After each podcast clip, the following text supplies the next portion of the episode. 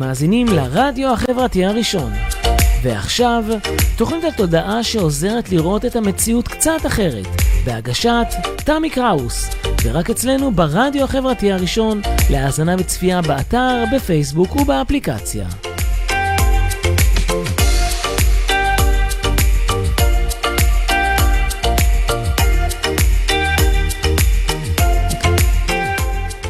שלום לכולם וצהריים טובים, יום חמישי. תודה למי שכאן איתנו ברדיו החברתי הראשון. מהיום אני מדברת תודה עם אורחים בימי חמישי. מתחילים בשעה שלוש ועשרה בערך, עכשיו כבר אה, שלוש ורבע, ועד לא ידע, כמו שאומרים, ועכשיו זה חג פורים עוד מעט מתקרב, כאילו חודש אדר א', אז בכלל המשפט הזה תקף. ולתוכנית הראשונה שלנו נבחר עבורנו נדב אטיאס, איש סופר מעניין. NLPיסט עם ידע רחב בתחום ובהתפתחות התודעה בכלל, חקר המוח ופיזיקה קוונטית. הוא גם מתרגם את ספריו של אה, דוקטור ג'ודי ספנסה לשבור את ההרגל ולהיות עצמכם. ועוד ספר אחד שמדבר על ה... יש שלושה ספרים בסך אה, הכל, 아, כרגע יש אחד שיצא אוקיי. לחנויות. תישארו איתנו, יהיה מעניין. ורגע לפני שאנחנו מתחילים, אני ממליצה לכם להוריד את האפליק... לנייד את האפליקציה של הרדיו החברתי הראשון. אתם יכולים לצפות בנו גם באפליקציה וגם באתר הבית שלנו בכל זמן, על ידי חיפוש פשוט של הרדיו החברתי הראשון בגוגל. לאלה שצופים בנו בפייסבוק, אם השידור מתנתק, אתם מוזמנים מיד להיכנס לאתר הבית או לאפליקציה ולצפות בנו בלי הפרעות ובלי תקלות. ואני בכלל ממליצה לכם להאזין לתוכניות המדהימות שיש כאן ברדיו החברתי. יש פה הרבה מאוד אנשים שבאים על, בזמנם החופשי להביא את הידע שלהם בכל מיני תחומים נרחבים. פשוט תציצו באינטרנט ותראו את, את השידורים שיש ואתם יכולים ל- להתחבר. אז בואו נצא כעת לשיר הקבוע, לשיר הקבוע שלנו, כדי לאפשר למי שעדיין לא יצטרף להיות איתנו בלי שיפספס. וגם כדי שתוכלו לשתף אותנו. אז השיר הקבוע שלנו, מרינה מקסימיליאן, בוער, בי השינוי.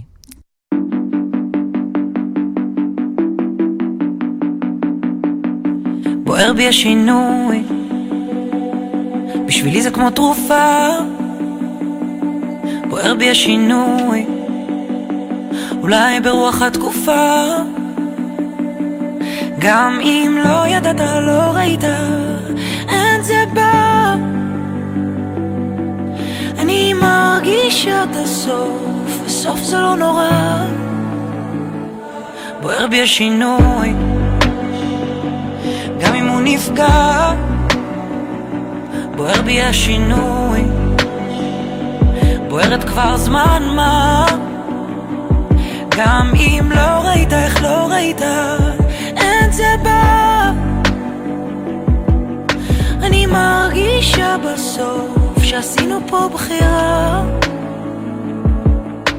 שני אנשים נפגשים, מחזיקים ידיים מול אותה תמונה. אני רואה הרים, אתה רואה שקיעה. שני אנשים ננסים, מזמינים חופשה רחוק מכאן. אני רוצה לגלים צריך שנייה צריך שנייה. רק לא שבויה. צריך שנייה רק לא שבויה. רואה בך שינוי שוכב על הספה. נדמה לך שינוי מיד לוקח חזרה גם אם לא הספקת, לא ראית, אין בא. אתה מרגיש שזה קרוב, ומבין שאין ברירה. שני אנשים נפגשים, מחזיקים ידיים מול אותה תמונה. אני רואה הרים, אתה רואה שקיעה. שני אנשים מנסים, מזמינים חופשה רחוק מכאן. אני רוצה לגלים. אתה אומר אני צריך שנייה. צריך שנייה. לא צריך שנייה.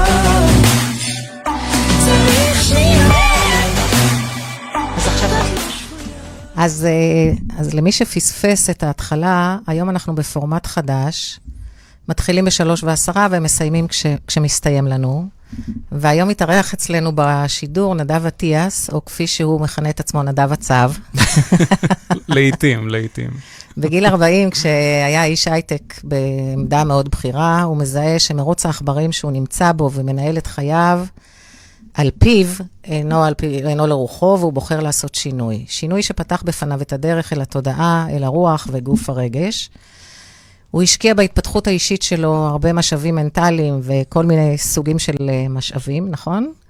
והיום הוא מאמן NLP וגם מתרגם את אה, ספריו של ג'ו דיספנסה. הוא גם פרסם ספר ילדים שאני קניתי נכון. אותו לפני שלוש שנים, עוד לפני שהכרנו בכלל, אנחנו מכירים מעט זמן. ואני מקריאה אותו לנכדים שלי, והם מאוד אוהבים את הספר. ואתמול, כשהתכוננתי לשידור, ראיתי שאת, שזה שלך בכלל, כאילו, לא 아, זכרתי אוקיי. את זה. גדול. יש לו קהילה לנדב בניהולו שקשורה בהתפתחות התודעה, חקר המוח ופיזיקה קוונטית, והוא גם מעביר סדנאות פרונטליות ובזום להתפתחות. ולפני שנעבור לנדב, עוד כמה מילים ברשותכם. אה, שואלים אותי למה אני משדרת במתכונת של שיחות ורעיונות עם אנשים. אז מעל 20 שנה אני לומדת, אני מאפשרת ריפוי וגם מנחה, ומתוך החוויות שלי אני מרגישה צורך לעורר השראה אצל עוד אנשים, אצל עוד נשים, על מנת שיפתחו ויפתחו את מניפת האפשרויות והיצירתיות שבתוכם, ויראו מה מתאים להם, ושהם ישתחררו ממקומות שמגבילים אותם. ולטובת זה, אני מביאה לי כאן אנשים ל- לרדיו ולפייסבוק, שעשו שינויים וצמחו, ולמעשה מהווים דוגמה חיה על מנת שהאפשרויות, אה, ושהאפשרויות ש... שאני מביאה לכאן תהדהדנה לעוד ועוד וכמה שיותר אנשים. אני גם משדרת ברדיו בערוץ תודעה של אהבה בימי ראשון, בשעה שש בערב, ושם אני מספרת על התהליכים, אותם אני עוברת עם עצמי. כדאי לכם להאזין, תהליכים רגשיים. כדאי לכם להאזין גם להם. אלה ממש, אפשר לומר, אה, שידורים שהם טיפוליים, עם אנרגיה טיפולית. אז עכשיו נעבור לנדב. היי, נדב, עכשיו המיקרופון שלך. אוקיי, אז uh, ככה... תספר על עצמך ככה. כן, הקדמה ארוכה. אני uh, רק אתקן ואומר שהמשרה שלי בהייטק הייתה משרה בתחום אבטחת המידע, לפחות כך סיימתי את הקריירה שלי, קריירה okay. אוקיי. של 21 שנה. Um, כשבעצם לפני עשר שנים הייתי בן 40, אז תעשו את החשבון, um, יצאתי לדרך שהיא אחרת, דרך שהיא שונה ממרוץ העכברים שהייתי נתון בו, אה, כשבעצם העבודה ידועה, סיומה ידוע, השעות ידועות, המסגרת המשפחתית ידועה והכל מאוד מאוד מוכר וידוע. סיומה ידוע בהייטק? כן, אני לא אה, בטוחה. לפחות בחברה שעבדתי, היו לא כן. מעט שהגיעו עד גיל פנסיה, שזה אוקיי. יחסית נדיר. עבדתי בחברה שנקראת אמדוקס, אם זה בסדר לומר. בטח. אמ, ואז בגיל 40 בעצם, אה, מתוך משבר אישי שלי בחיים הפרטיים שלי, אה, שהוביל בסופו של דבר לגירושין, אמ, נפתח צוהר לעולם אחר שמבחינתי היה לא נגיש בכלל. אמ, עולם שהמילה רוח, הרבה אנשים אה, ככה פוחדים ממנה, לא אוהבים אותה. גם לזלזל, כן. כן, אז, אז אולי נלך לכיוון היותר פרקטי ופחות נקרא לזה רוח, נקרא לזה מקום שבו אני מתחיל לזהות את האוטומטים שמפעילים אותי, והשאיפה שלי היא להסיר כמה שאפשר מהאוטומטים שמנהלים את היומיום שלי, למקום שהוא יותר של אה, בחירה מושכלת, או בחירה צלולה, נקרא לזה כך. אני רוצה לומר לך ש... קודם כל, עשר שנים זה, זה עשר שנים, אבל אם, אנחנו, אם אני מסתכלת עשר שנים אחורה בתחום של התודעה ומה שנקרא רוח וכל, היה מקום, היינו במקום אחר לגמרי, זאת אומרת, ובכלל, אם אני מסתכלת עליך כגבר, מצליח בהייטק וכולי, מעט מאוד גברים שפנו לתחום הזה. זאת אומרת, זה שזיהית, זה איזה שהם אה, זרעים או ניצנים ש, שנטבעו בך מתישהו. כן. זה מדהים, כאילו. כן, אז אני יכול לומר שכילד הייתי אה, ילד מאוד מאוד רגיש, שגדל בסביבה יחסית אלימה, ואז אה, לרגש לא היה מקום. היה כדאי לקבור אותו, לסגור אותו בקופסה. ולטפח מיומנויות שהן יותר גסות, okay. אוקיי. כמו שריון נקרא לזה. וככה בעצם התנהלתי מרבית חיי. כשהרגש נעול וסגור, וכמובן אנחנו יודעים שכשנועלים וסוגרים רגש ולא נותנים לו להתאוורר, ולא מכירים בו ולא נותנים לו ביטוי, מתישהו הוא נותן לך בעיטה בתחת. אצלי זה הגיע בגיל 40. אמ, ואז מכאן המקום להתחיל לפתוח את התיבה הזו שבה היה כלוא הרגש במשך כל כך הרבה שנים, ולהתחיל לעשות איתו עבודה. מכיוון שאני מגיע ממקומות אה, מאוד לוגיים, למדתי ראיית חשבון באוניברסיטה, משם הבנתי שאני לא רוצה לעסוק בזה, התחלתי ישר לעבוד במחשבים. הלוגיקה שלטה, השכל, הרציונל היה מאוד מאוד חזק. אז ה, אה, נקרא לזה נקודת כניסה הנוחה שלי לתחום הזה הייתה דווקא דרך ה-NLP. אה, NLP, למי שלא מכיר, אז ראשי התיבות זה Neuro-Linguistic Programming, או בעברית אה, ניתוב לשוני פיזיולוגי, או כן, נכון? משהו, משהו כזה. כשבעצם מה שאפשר לי ה-NLP זה לא להיבהל מהמילה רוח, שאנחנו אומרים אותה כאן, כי NLP מגיע ממקום מאוד מאוד פרקטי. אה, מאוד מחובר לחקר המוח, מאוד מחובר ללשון, לשפה. אה, מאוד מחובר לזיהוי תבניות. אה, חלק מהתרגילים הם בכלל תרגילים של פסיכודרמה. חלק מהתרגילים שאולים מעולם של היפנוזה, שאנחנו הולכים שם לכיוון של דמיון מודרך. אז נורא היה לי קל להתחבר דווקא משם, לתוך העולמות האלה. החלק הלוגי כאילו. לגמרי. אז בעצם אה, בקורס הראשון התחלתי ממש לפרוח. זאת אומרת, עם התרגול, גם על עצמי וגם עם החברים שלמדו איתי את הקורס, הרגשתי איזושהי רמה של חיבור שלא חוויתי קודם בחיים שלי. Uh, היו אפילו מקרים שאפשר לקרוא להם מיסטיים.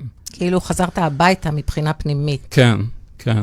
Uh, היה, היה מקרה אחד ספציפי שאני ממש זוכר, שעשיתי ממש uh, הולכה או הובלה בדמיון מודרך עם uh, אחת האמיתות שלי לקורס, וקרה שם איזשהו קסם שבו בתום התרגיל היא אומרת לי, תקשיב, כל מה שהולכת אותי דרכו, אני הצלחתי לראות אותו ויזואלית, אבל שנייה לפני שאתה אמרת. וואו.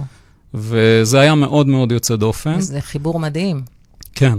אמ, ומפה אה, הדרך אה, לעשות את אה, קורס המאסטר אמ, ולכתוב ספר ילדים שהוא מין תרגיל, בעצם היישום הכי מוצלח שלי של הטכניקה הייתה דווקא עם עצמי בבית ועם ילדיי. וזה היה באמת יוצא דופן, ורק אחר כך בחוץ עם אנשים אחרים. אמ, ומפה בעצם נפתחה הדרך, אמ, והלכתי והעמקתי לא רק בתחום הזה, אמ, יותר ויותר נכנסתי לתכנים שהם תכנים של מיינדפולנס ובודהיזם, ועל הדרך, לפני שלוש וחצי שנים בערך, נתקלתי באיזשהו וידאו של דוקטור ג'ו דיספנזה, שלא כל כך מכירים אותו בארץ, ואני מקווה שבעקבות הספרים יכירו אותו יותר. כשמה שהוא עושה ומאוד מאוד מצא חן בעיניי זה שוב החיבור הזה של לוגיקה לתוך דברים שאנחנו תופסים כמיסטיים. דיספנזה, ככה, אחד מהסיסמאות שהוא חרט על דגלו, זה להסיר את המיסטיקה. אמ, מעל תהליך המדיטציה, מעל מה שאנחנו תופסים כלא אה, אנושי או על-אנושי, אה, ולהסביר עם שילוב של המון תחומי מדע, כמו חקר המוח, כמו אה, אפי-גנטיקה, כמו אה, אה, פיזיקה קוונטית. יחד אחד, עם ברוס ליפטון, נכון? יש, כן, יש, הם כמו שלושת הטנורים כן. כאלה. אז יש את גרג. דיספנזה, גרג בריידן וברוס ליפטון, שמדברים פחות או יותר אותה שפה. אפשר למצוא גם בארץ את נאדר בוטו, שמדבר פחות או יותר אותה שפה. אמ, ועוד כל מיני שככה כולם מתכנסים לאיך המדע אה, סוף סוף נפתח למקומות שיכולים להסביר דברים שעד עכשיו היו מבחינתנו בלתי מוסברים, או רוחניים, או הוקוס פוקוס. אמ, וזה מאוד מצא חן בעיניי בחומרים של דוקטור ג'ו דיספנזה. ומכאן התחילה צריכה אינסופית של uh, וידאוס וטקסטים וכזה. ואז נפל לי איזשהו ג'וק שהספרים שלו צריכים להיות גם בעברית. ויהיה הרבה uh, מאוד רווח לקהל הישראלי, שהקהל הישראלי, לצערי, uh, הרבה מאוד נמצא uh, בתודעת הישרדות. Uh, אם זה כל הנרטיב של כל, המד... של כל המד... קום המדינה, uh, האויבים, המלחמות, השואה. השואה, והמון המון סטרס. אנשים מכורים לחדשות מאוד. כן, הוצאת פוסט אתמול, אה, שאמרת שבוא נעשה מדיטציה להגברת הסטרס, משהו כזה. אז הגבתי לך, לא צריך, אפשר לפתוח את הטלוויזיה, את התקשורת, את המדיה. לגמרי, לגמרי. ובאמת יש הרבה אנשים שמכורים ממש, וחייבים כל שעה לשמוע את החדשות ברדיו ולראות את החדשות בערב בטלוויזיה ובעיתון. ומה שהם אה, מפספסים זה שעם העונג הזה שלהם מהצריכה של החדשות, הם גם לאט לאט מטפחים מנגנונים של התמכרות כימית לכל דבר בתוך הגוף, הכימיקלים שמתייצרים מעצם צריכת החדשות המוגברת הזו, זורמים בגוף ומייצרים איזשהו רש, יש כאן איזשהו ריגוש. כן. והגוף מתמכר לריגוש הזה, ואנחנו חייבים עוד ועוד ממנו. ויש גם את אחד מחוקי הטבע של אה, דומה מושך דומה, אז בכלל נקבל עוד את מה שאנחנו לגמרי. רוצים, את, מה לגמרי. את מי שאנחנו, את מה שאנחנו... כן, אז יש משפט נורא יפה אה, של דיספנזה, לדעתי משתמשים בו גם אחרים. הוא אומר, אה, where your attention goes, your energy flows. כן. אה, איפה שאתה שם את תשומת הלב שלך, כל האנרגיה והמשאבים שלך מופנים אה, אל המקום הזה. זאת אומרת, אם תשומת הלב שלי נמצאת במקום של חדשות לא טובות, של אירועים לא טובים, של המון מתח וסטרס סביב מה שקורה בארץ ומה שקורה בעולם, לאט לאט אני מלמד את הגוף שלי לזהות את זה טוב יותר וטוב יותר גם בחיים הפרטיים שלי. ואז, אם יש לנו את מחצית הכוס המלאה ומחצית הכוס הריקה, אני בעצם מלמד את הגוף שלי להתמקד כל הזמן במחצית הכוס הריקה, גם בחיים הקרובים שלי.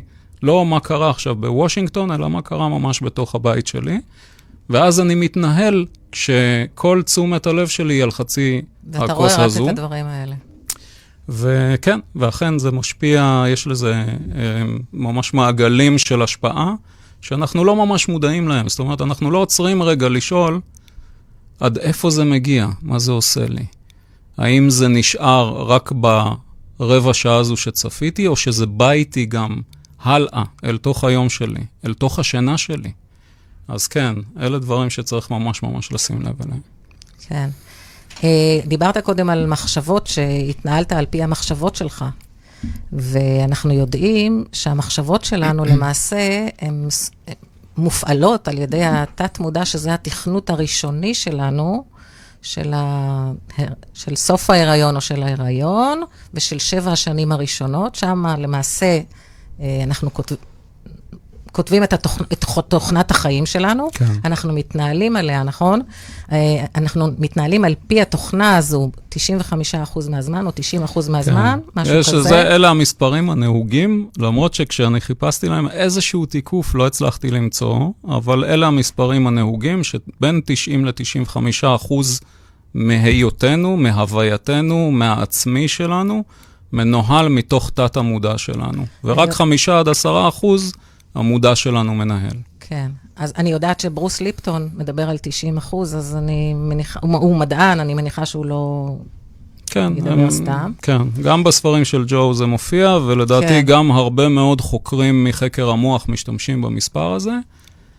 אין לו, אין איזשהו תיקוף איפשהו, אבל uh, זה איזושהי הערכה, והערכה לא רעה בכלל. כן. ומה, ומה שקורה זה שהשבע שנים הראשונות שלך משפיעות על שבע השנים הראשונות של הילדים שלך, וככה אנחנו מעבירים מאחד לשני, ולכן מאוד קשה לעשות שינויים. לגמרי.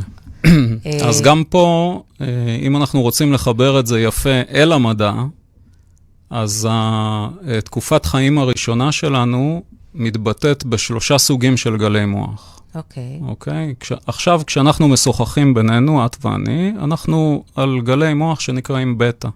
גלים יחסית מהירים, שמאפשרים למוח החושב שלנו לעבוד טוב, לעשות אה, אנליזה, אה, לעשות היקש, אה, לסנן, למיין, להכליל, כל הדברים האלה שאנחנו יודעים לעשות, לבקר, לשפוט וכולי.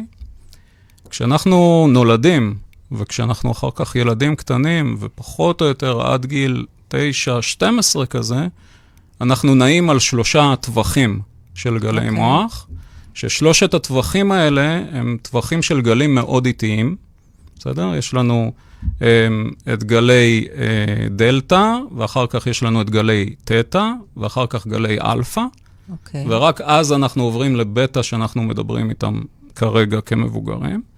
זאת אומרת שהמוח שלנו בגילאי אה, 0 עד 9, נגיד, פחות או יותר, פועל על גלים מאוד מאוד איטיים שמאפשרים לו קליטה מרבית. כשאנחנו תינוק קטן, כמות המידע שאנחנו סופגים היא פנומנלית. המוח גדל בקצב משוגע ממש, אנחנו צריכים לבלות הרבה זמן בשינה כדי לאבד את כל המידע שנכנס. מה שאומר שכשאנחנו ילדים, כל התבניות שאנחנו רואים מול עינינו, במיוחד אלה שמוכתבות לנו על ידי אוטוריטות, ההורים, דוד, סבא, סבתא, כן. מישהו אוטוריטה בעלי בחיי. סמכות, ה- גננת אפילו. גננת. Uh, התבניות האלה נצרבות בתוכנו uh, בצורה נקייה. זאת אומרת, אין לי שם אין את היכולת להפעיל שיפוט, אין לי שם את היכולת להפעיל ביקורת, אין לי שם שום יכולת להסתכל על הסיטואציה כאילו ישנה אפשרות שהיא גם לא כל כך לטובתי. ואז כל מה שאני רואה הוא כמו דברי אלוהים חיים. הוא נכנס פנימה לתוך הגוף, יושב מאוד מאוד חזק, ואת הגילאים הבוגרים שלנו, או גילים יש לומר, אנחנו מנהלים בתקווה מתוך מקום שרוצה להבין מה זה האוטומטים האלה, למה הם שם, ואיך אפשר אחרת במידה והם לא מקדמים. חלק מהאוטומטים הם אחלה, כן? שלא נתבלבל. יש לנו לא מעט אוטומטים, אולי אפילו אפשר לומר רוב האוטומטים שלנו הם אוטומטים טובים, שמסייעים לנו להיות מאוד יעילים. תארי לך שבגילך לא היית מונעת בכלל מתוך אוטומטים, יש סיכוי לא רע שהדרך מהבית שלך לאוטו הייתה אורכת שלוש-ארבע שעות, היית עוצרת ללקק כן. איזה נמלה, לטעום קצת את הרצפה, וכל דבר שעושה תינוק שמגלה בפעם הראשונה, או עוד לא אה, סיגל לעצמו איזשהו מסלול יעיל בתוך החיים, ואז אה, הכל מנסים והכל בודקים והכל תואמים והכל רואים והכל מריחים ושומעים וכולי. אז כן, אז חלק ניכר מהתבניות האוטומטיות שלנו הן טובות. אנחנו מעוניינים לעצור דווקא עם אלה שלא מקדמות אותנו, שאנחנו מרגישים שתוקעות לא- אותנו. שהן לא מותאמות לנו, מותאמות כן. עם- למי שקיבלנו את זה ממנו. אני רוצה לגמרי. להקריא פה משהו שראיתי שכתבת בפייסבוק. אה, נולדתי וגופי משומש, ככה זה נקרא. קולות שטרם הבנתי פשרם, הלמו וניגנו, טמנו בשירם. ליבה של אמי פעם לי ניגון, לעתים הפקרה שלא בסנכרון. מפל רגשותיה געש וגלש, נצרב בתוכי כגלים של מרגש, ועם הזמנים תשעה ירחים ניתנו בגופי סימנים סימנים. אני, אני פשוט נפעמתי כשראיתי את תודה. השיר הזה, או מה שזה לא, איך שלא נגדיר את זה. תודה. את המילים האלה, איך שחיברת אותם, את הרעיון אחד לשני. עכשיו תספר, תספר כן, על זה קצת. אז uh, זה מתקשר בדיוק למה שדיברנו עליו כרגע. זאת אומרת, אנחנו צריכים לקחת בחשבון שהתבניות הטבועות בנו לא מתחילות מהרגע שנולדנו אל העולם, אלא מתחילות עוד הרבה קודם. יש כאלה שיקראו לזה העברה בין-דורית, יש כאלה שיחפשו את זה בגלגול נשמות. אם אנחנו שוב חוזרים מהמקומות האלה למקום הפרקטי, כן. אז הנה פרקטי. אני כרגע עובר בבטן. כעובר בבטן אני סופג גלים של קול שמגיעים מהסביבה, אם זה ההורים שלי עכשיו רבים ומתווכחים, או שמחים וצוחקים.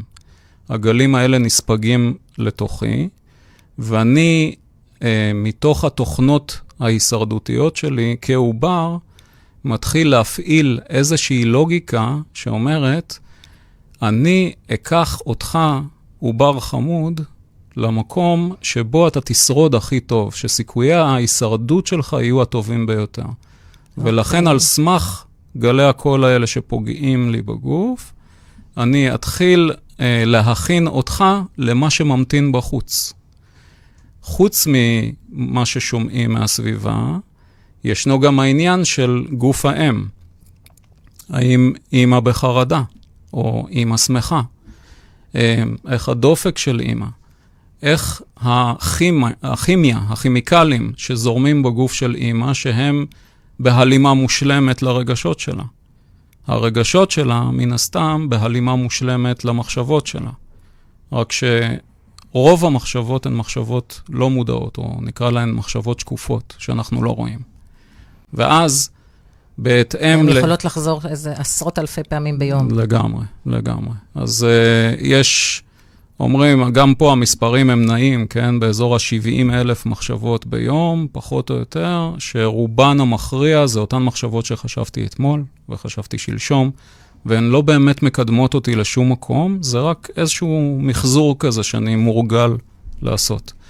אז הלך הרוח של אימא, מצב הרוח של אימא, האמונות שאימא החזיקה, שמן הסתם גם הן משפיעות על הכימיקלים בגוף שלה. כל הדברים האלה משפיעים על העובר בבטן, וכשהוא יוצא אל העולם, הוא יוצא כשהוא מכוות אה, במוחו, אה, לשרוד הכי טוב שאפשר בסביבה הנתונה. אוקיי? אם הסביבה היא אמורה להיות סביבה קשה, אז הוא יוצא עם אה, אופי ותכונות מסוימים שיעזרו לו באותה סביבה קשה. אולי הוא צריך להיות מאוד מרצה, אולי הוא צריך להיות כל מיני דברים שיסייעו לו לשרוד. אה, וכמובן... ואת זה הוא כבר יודע בבטן, כאילו. הוא, הגוף שלו מתכונן לזה כבר בבטן, אוקיי? אין כאן עניין מודע, אה, הוא לא, נקרא לזה, הוא לא יודע, אבל הגוף שלו מתארגן ומתכונן כבר בבטן אה, לפגוש מציאות מסוג מסוים, כדי שהוא יהיה כמה שיותר מוכן על מנת לשרוד. ומכאן בעצם מתחיל המסע. אמ, ושוב, דיברנו על גלי המוח, אז אלה האזורים שגלי המוח מאפשרים לו באמת קליטה פנומנלית, ועם כל הדברים הטובים בקליטה הפנומנלית, מגיעים גם דברים שהם לא כל כך טובים. למשל, איך צריכה להיראות זוגיות? אולי הזוגיות של ההורים כרגע היא לא אה, מיטיבה, אבל מבחינת התינוק, בגלל שאין יכולת להפעיל שיפוט, או... אז אה, כך נראית זוגיות. וכך אנסה לשחזר גם בחיי הבוגרים. ופה בעצם אה, העבודה שלנו, אה, לא סתם בסוגי הטיפול השונים והרבים, מחזירים אותנו לילדות, אוקיי? כאן העבודה שלנו באמת לראות אה, מה שירתה התבנית אז. את אותו פעוט. כן, והאם היא עדיין משרתת, ואולי היא כבר לא משרתת. ואיך אתם עושים את זה ב-NLP? אז ב-NLP יש כל מיני טכניקות. אה, אחת הטכניקות הרווחות יותר היא עבודה עם דמיון מודרך, ואז איזשהו מסע אל עבר הילדות. אה, ושם אפשר, יש כל מיני דברים שאפשר לעשות. אפשר שם אה, להעניק לו עוצמות שבאות לכאורה מההווה, אוקיי? לקחת עוצמות שישנן היום. הולך אחורה בזמן ומעניק לו את העוצמות מהיום אל התינוק, שנ... או אל הילד הקטן שנמצא שם בעבר. עכשיו, אה, יש עוד כל מיני שיטות, עכשיו אנחנו צריכים להבין גם פה את. את הפן הפרקטי או הלוגי של זה. אה, החזרה הזו בזמן, בתוך דמיון מודרך, לוקחת בחשבון שהמוח שלנו הוא בעצם פלסטי כל הזמן, אוקיי? אחת הבעיות ש... או אתגרים שיש לנו זה אמונה שזה לא פלסטי. שיש לי תבנית, ככה זה וזהו, וככה אני אמות עם התבנית הזו. כי זה מה שגם הרפואה חשבה עד לפני 20 שנה, אני חושבת, לא? אמ, או פחות. כן, יכול להיות. יש את הספר המוח הגמיש. נכון, נכון. אז עצם ההבנה שהכל הוא פלסטי, שהמוח הוא פלסטי, התבניות הן פלסטיות, הזיכרונות הם פלסטיים. זאת אומרת, אם יש לי כיום זיכרון מסוים, אני מבין שאני יכול לשנות אותו. אני יכול טיפה לעוות אותו. אני יכול טיפה לצבוע אותו, להזיז אותו, להקטין אותו, להגדיל אותו ולשחק עם כל מיני מאפיינים של הזיכרון, מכיוון שהמוח מרשה לי. עכשיו, הרבה אנשים... אתה משנה את, התפיסה אל האירוע, אתה לא מוחק אותו, נכון. אפשר גם למחוק אותו. נכון. אתה משנה צורך, את התפיסה. כן, אין צורך למחוק אותו, אה, צריך לגשת אל זה מתוך ההבנה שרוב הזיכרונות שלנו גם ככה הם איזשהו עיוות של המציאות, בסדר? ראינו משהו במציאות, איזשהו אירוע. האירוע הזה מיד נצבע באמונות שאנחנו מחזיקים, במצב רוח שהיה לנו באותו רגע, כל מיני מאפיינים שצובעים את האירוע ובעצם הופכים את הזיכרון של מה שקרה, מה שאנחנו קוראים לו אמת, אין כזה, זה לא באמת. אתה יודע, יש לי אח תאום, אוקיי, והוא זוכר בית שונה לחלוטין מה- מהבית. שאני זוכרת. לגמרי. וגדלנו, ב... אנחנו לא זהים, אבל זה לא משנה, כי גדלנו באותו בית, עם כן, אותו מספר אה, של ילדים במשפחה, וההורים אותם הורים, ואותה תקופה, ומבחינתו זה שונה לחלוטין. כן, כן. אז uh, יש לי סיפור משעשע על זה. Uh, אבא שלי תמיד סיפר לנו שבמרוקו היה להם בית נורא גדול, רחב ידיים. וכשהם נסעו לטיול שורשים במרוקו והוא הגיע למקום, הוא לא האמין כמה הבית קטן. וואו. ובאמת אנחנו רואים שהזיכרונות שלנו, לא רק שהם נצבעים אה, בכל מיני צבעים, גם קורה להם משהו עם השנים. עם השנים הם יכולים או להתעצם או לדהות, קורים להם כל מיני דברים. היה אפילו איזשהו ניסוי מאוד מעניין, שנתנו לאנשים תמונות שלהם כשהם ילדים, וביקשו מהם לספר מהזיכרון שלהם מה היה שם בתמונה. והם סיפרו. ואחרי שהם סיפרו, אמרו להם שהתמונות מפוברקות, וזה לא היה ולא נברא. וואו. יצרו בשבילם תמונות, ומה שהאנשים האלה עשו, הם יצרו באותו רגע זיכרון. מבחינתם באותו רגע נוצר זיכרון, אין להם, אה, אם לא היו מספרים להם שום דבר, אין להם מושג שזה לא הזיכרון שלהם. אז כן, אז הזיכרונות שלנו, אה, הם שם בעיקר בשביל לשרת אותנו, ואנחנו צריכים להסכים שאם הם לא משרתים אותנו, יש מה לעשות איתם. אפשר טיפה לסובב אותם, אפשר לעגל אותם, אפשר להשמין אותם, אפשר להרזות אותם, אפשר לא לצבוע להאחז אותם. בהם. לא להאחז בהם כאילו הם סלע מוצק.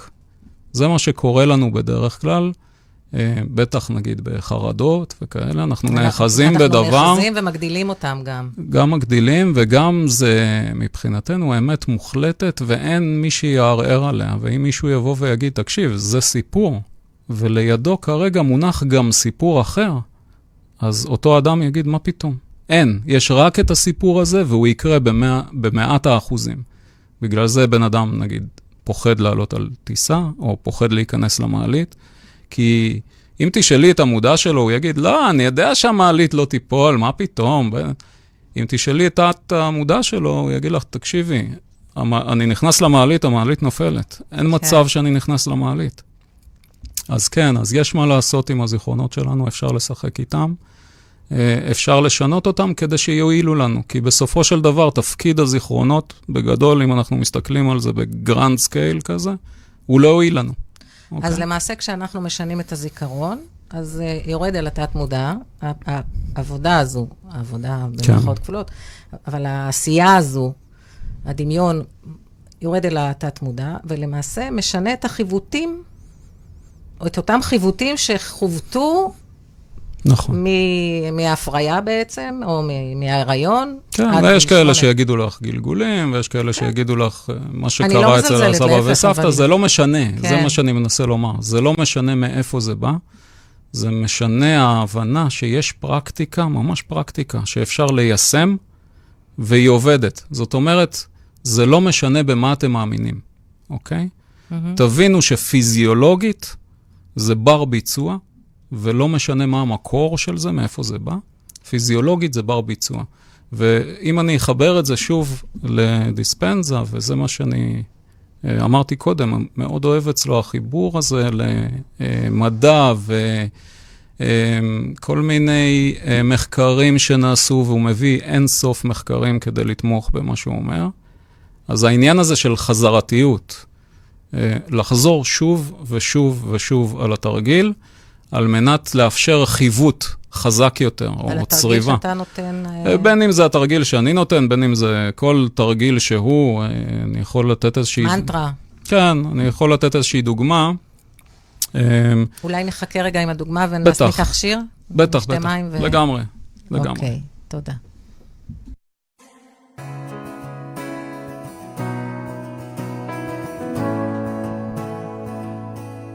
נגיד שאין פחד יותר, רק הרגע זה עכשיו. נגיד שרק שתינו פה עולות מטפסות בהר. נגיד שאין טעם יותר להסתיר, זו אמת מיוחדת. בואי נרוץ מפה, מהר מפה, מהר.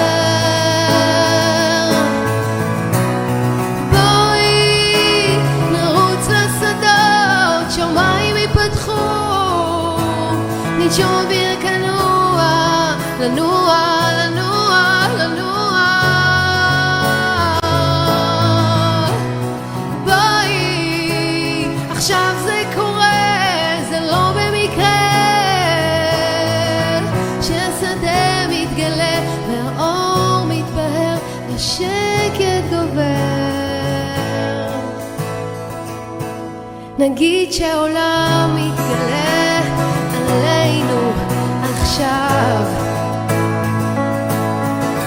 ואין צורך לומר מילים שזמנם נגמר. נגיד שהסכמת לוותר על חומות מגדלים בשמיים. בואי נרוץ מפה, מהר מפה, מהר. בואי נרוץ לשדות, שמיים ייפתחו ננשום אוויר כנוע,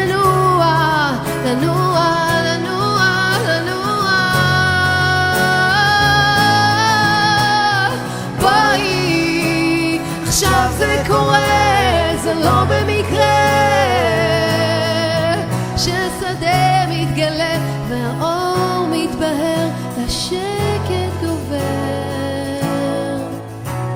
שמש בעיניים, רגליים יחפות במים שמש בעיניים, רגליים יחפות במים. נו רק תעשי צעד אחד, פסיעה אחת והגענו. כל העולם ירוץ בשבילך. בואי נרוץ לשדות, שמיים ייפתחו, ננשום אוויר כנוע, לנוע, לנוע, לנוע. בואי, עכשיו זה קורה,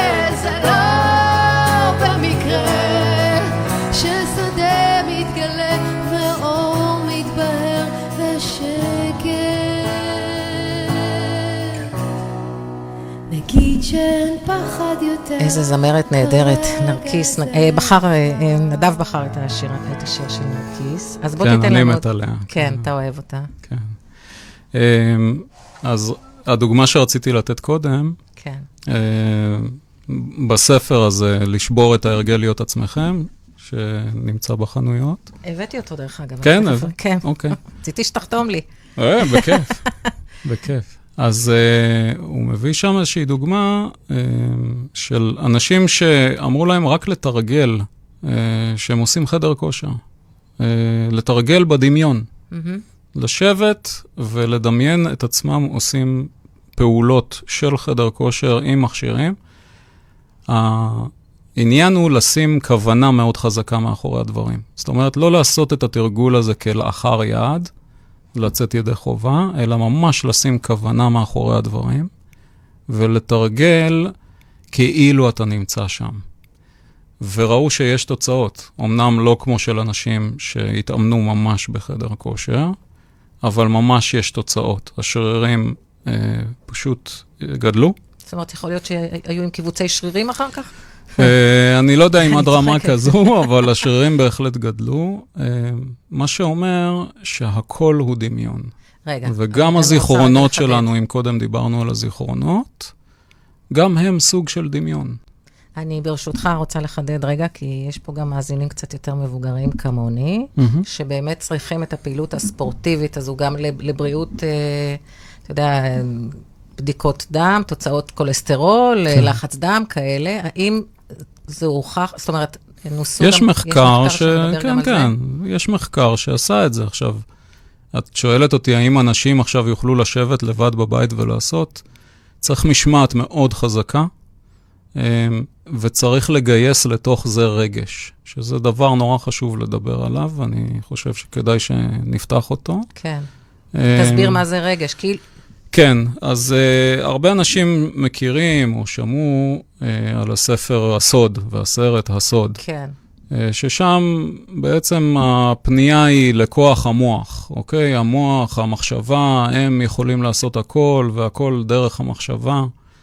Uh, העניין של הרגש בעצם מוסיף לזה נדבך מאוד חשוב. כשאנחנו חושבים מחשבה, או קודם אמרת uh, מנטרות, אוקיי? כן. אם אני עושה affirmations כאלה, uh, הגדים uh, חיוביים, נקרא לזה בעברית, אם אני מדקלם את ההגדים או את המנטרות, אבל הגוף שלי מתנגד לזה התנגדות עזה, זאת אומרת, הוא מחזיק אמונה או תפיסה או תוכנה אוטומטית שהיא שקופה לי כרגע, שאומרת לא נכון, כל מה שאתה אומר כרגע זה שטויות. אז אין סיכוי שהמנטרות האלה ישפיעו עליי או יחלחלו פנימה, מכיוון שזה אני המודע, שבעצם נאבק ב-90 או 95 אחוז מאני הלא מודע. העניין של רגש בעצם הוא, אם אני אחבר את זה למקצוע הקודם שלי באבטחת מידע, זה כמו האקינג, כמו פריצה לגוף. אוקיי. בעצם אני מעסיק את התודעה של הגוף שלי, שהיא תודעת הרגש, כן. אני מעסיק אותה ברגש חיובי, אוקיי? בזמן שאני מדקלם את ההגדים או המנטרות האלה, כן. אני מגייס שמחה, הכרת תודה, אהבה, אה, כל אה, רגש שהוא חיובי. אני מגייס אותו תוך כדי העשייה, ואז אה, תת-המודע שלי בעצם נרתם גם הוא לדבר החיובי שקורה כרגע, ויש לי חיבור מאוד חזק בין מחשבה לבין רגש, ושניהם פועלים יחד עכשיו, הם לא פועלים אחד נגד השני. אוקיי? לצורך העניין, אם אני מחזיק איזושהי מנטרה שאומרת, אני איש עשיר, אני איש עשיר, אני איש עשיר, וכל התוכנות האוטומטיות שלי מהילדות אומרות לי, אה, כסף קשה להשיג, אנשים עשירים הם מושחתים, אה, וכל מיני אמונות ואם אני כאלה. אומרת, אני בדרך להיות עשירה, אז, אז זה לא בדיוק, או שזה עדיף- גם יושב על, המנ... על עוד פעם, האלה. אז את שוב חוזרת למחשבה, ואנחנו פה מחברים חזק את העניין של רגש. אני הולכת להיות, עדיף לא לומר את זה ולומר שאני כבר Mm. כרגע, או אמ, אחד הדברים שמדבר עליהם דיספנזה זה בעצם, תחשוב אה, את העתיד שלך ותחווה אותו כרגע כאילו הוא כבר קרה. אוקיי. לא כאילו הוא יקרה תכף, אלא כאילו הוא כבר קרה. ואם הוא כבר קרה, איזה רגש יש לך בגוף באותו רגע? אבל אם לא עשיתי את זה עם הרגע שאתה אומר, מה שאני מבינה, אוקיי? אה, תקן אותי. כן. אם אני לא עושה את זה עם הרגש, אז אני יכולה ללכת ככה שלוש, ארבע, חמש, שש, אין ספור שנים, כן. עם, ה... עם האמירה הזו. כן. ויכול להיות שאני אפרק בינתיים את כל, ה... את כל התוכנות הקטנות הקט... שמשפיעות עליי, ויכול להיות שלא. כן. יכול להיות שעם הזמן יתגייס לשם רגש. זאת אומרת, את פתאום תשימי לב אחרי, לא יודע, חצי שנה שאת אה, עושה טקס כזה, פתאום תשימי לב שאת ממש מאמינה במה שאת אומרת. ואז זה סבבה, זה מגניב. אוקיי.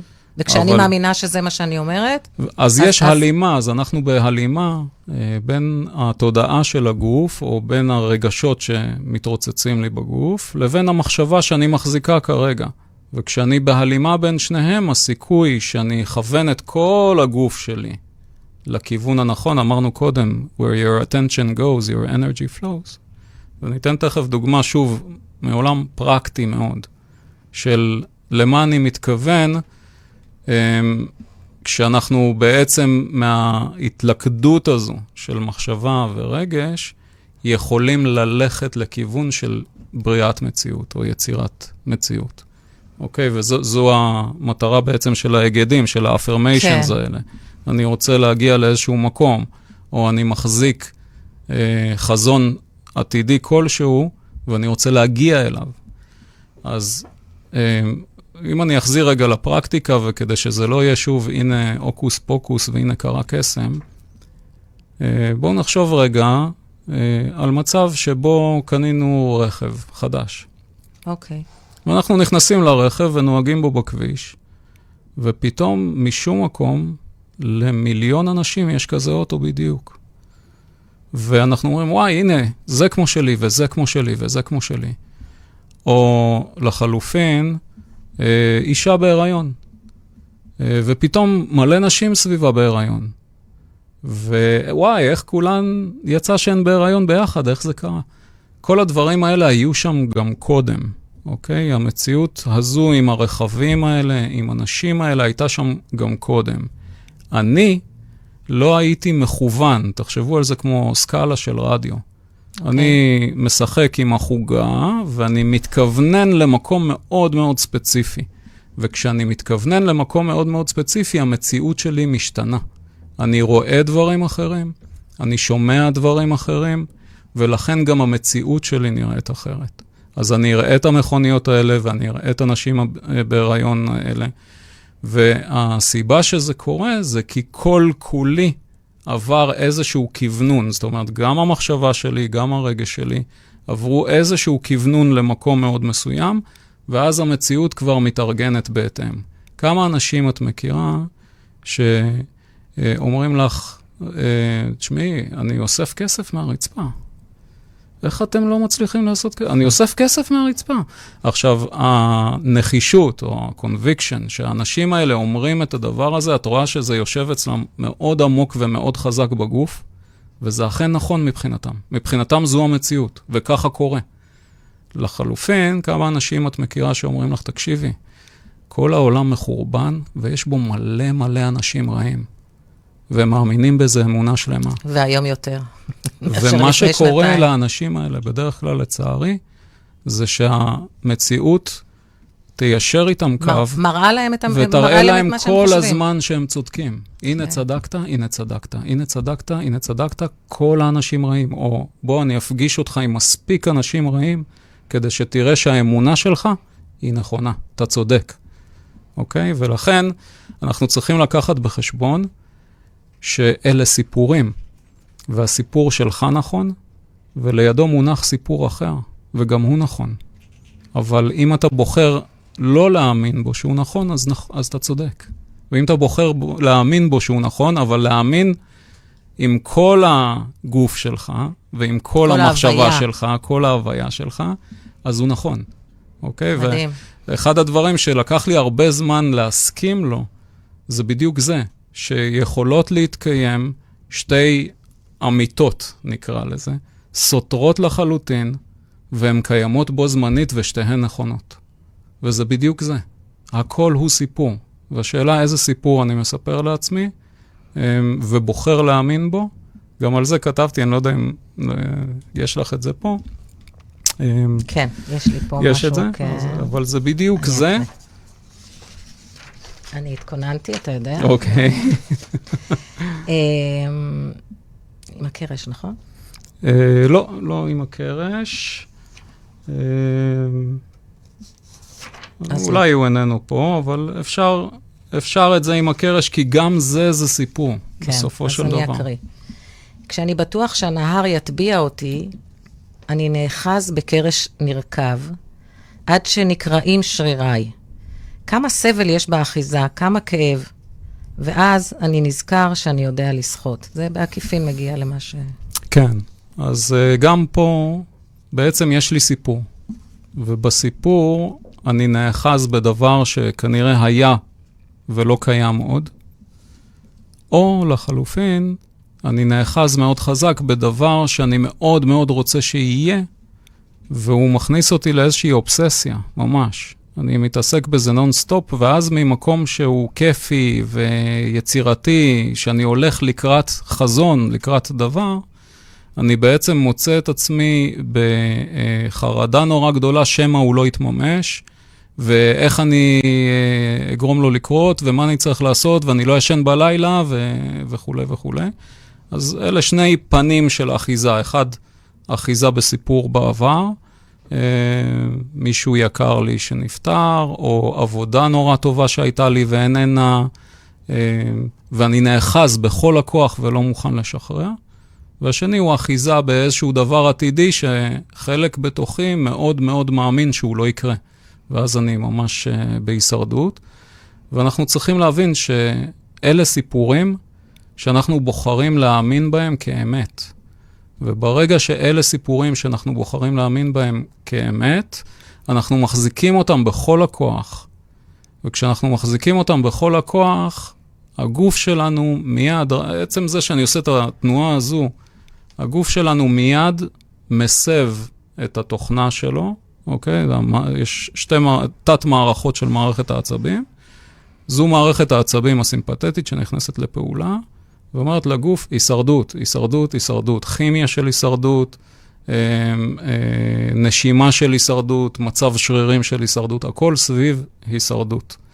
ואנחנו אה, מסוגלים להחזיק הישרדות לפרק זמן מסוים, בדיוק כמו החיות בטבע.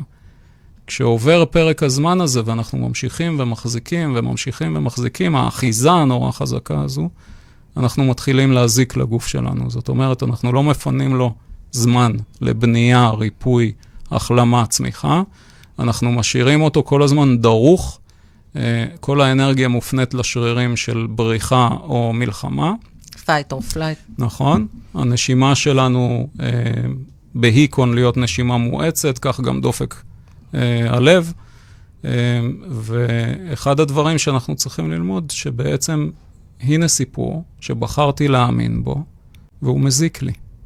האם אני מוכן להניח לו ולהתחיל להאמין בסיפור אחר? זה לכאורה נשמע פשוט, מתחת, בגלל שאנחנו מופעלים רגשית כל כך, ובגלל שהרגשות האלה שמפעילים אותנו באים מהעבר הרחוק מאוד, אז המסע לפעמים הוא מסע לא uh, קצר בכלל, על מנת uh, לצאת לדרך החדשה ולהפסיק להאמין בסיפור הזה, ולבחור ולהאמין בסיפור אחר. זאת אומרת, אתה, אנחנו למעשה רוצים להגיע אל הפעם הראשונה שדבקתי בסיפור הזה. זו אחת הדרכים, כן. זו אחת הדרכים להגיע אל הפעם הראשונה. אה, הבודהיזם אה, יותר ויותר הולך למקומות של, אה, וזה נשמע מצחיק, פשוט תשמוט את זה. ותעשה shifting של תשומת הלב, כן. אתה יודע שיש פה סיפור, אתה יודע שאתה מחזיק אותו, עכשיו תלמד את התנועה הזו של לעזוב, ותסב את תשומת הלב שלך למקום אחר בונה, אוקיי? למחצית הכוס המלאה. וכל פעם שאתה חוזר, תשמוט ותסב את תשומת הלב. תשמוט ותס... ואז יש לנו כאן איזשהו תרגול של שמיטה והסבת תשומת הלב, שלאט לאט נהיה מיומנות אה, של ממש. ואז זה גם מתחוות בצורה שונה במוח אחרי. נכון. אז באמת יש כאן שתי גישות. הגישה הקלאסית שאומרת, בואו נלך אחורה לגרעין עצמו, נבדוק מה היה שם, אה, ננסה להסתכל עליו מכמה כיוונים, נראה מה הוא שירת אז, האם אפשר להחליף עבורו את, ה, אה, את הפתרון שהוא בחר. כן? יש אה, ב-NLP תמיד מספרים סיפור כזה קצת קשוח על uh, נערה מאוד שמנה שלא הצליחה לעשות דיאטה וזה תמיד לא צלח, ואז uh, היא לא הבינה למה והלכה לטיפול, ובטיפול עשו כזה מסע אחורה חזרה, ואז פתאום out of nowhere זיכרון כלוא ממש שהיא הוטרדה מינית uh, על ידי איזשהו קרוב משפחה, ותת המודע שלה בחר בשבילה אה, דרך עליה. פעולה. הוא אמר, אם את תהיי שמנה, אה, הגוף שלך יהיה בטוח, אף אחד לא ירצה להתעסק איתך, וכך את בטוחה ומוגנת.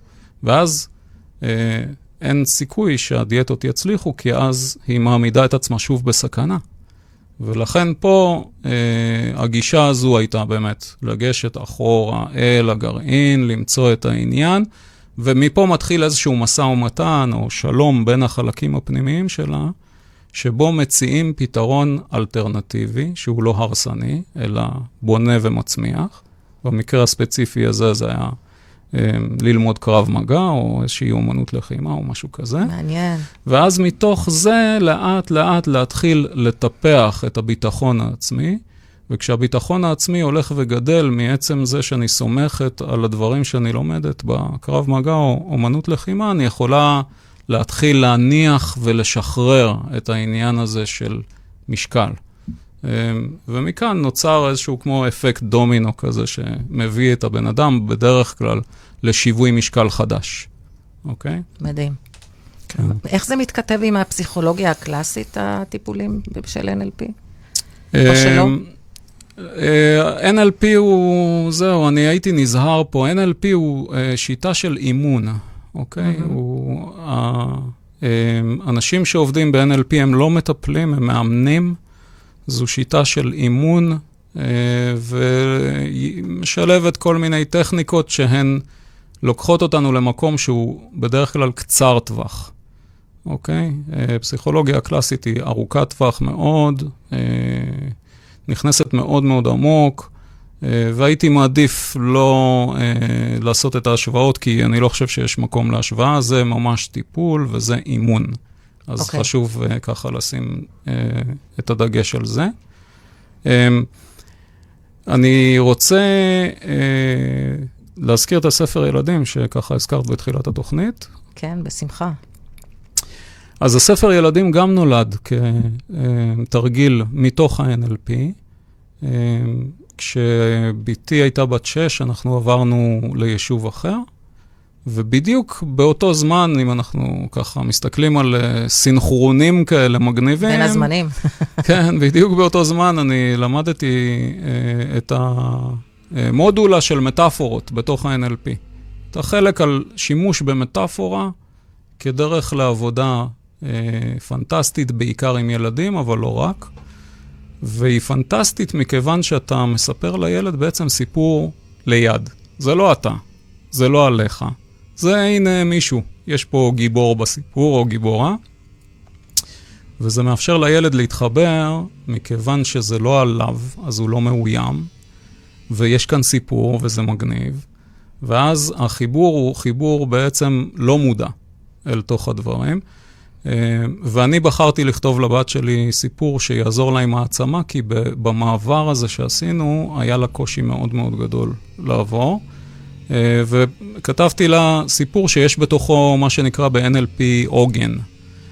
עוגן אומר שאני מוצא איזשהו מפתח להפעיל עוצמה רגשית כלשהי שקיימת בתוכי, וכל פעם, זה כמו כפתור כזה, כל פעם שאני לוחץ על הכפתור, הילד, או הבת שלי במקרה הזה, מתחברת לעוצמה הנפשית הזו שלה.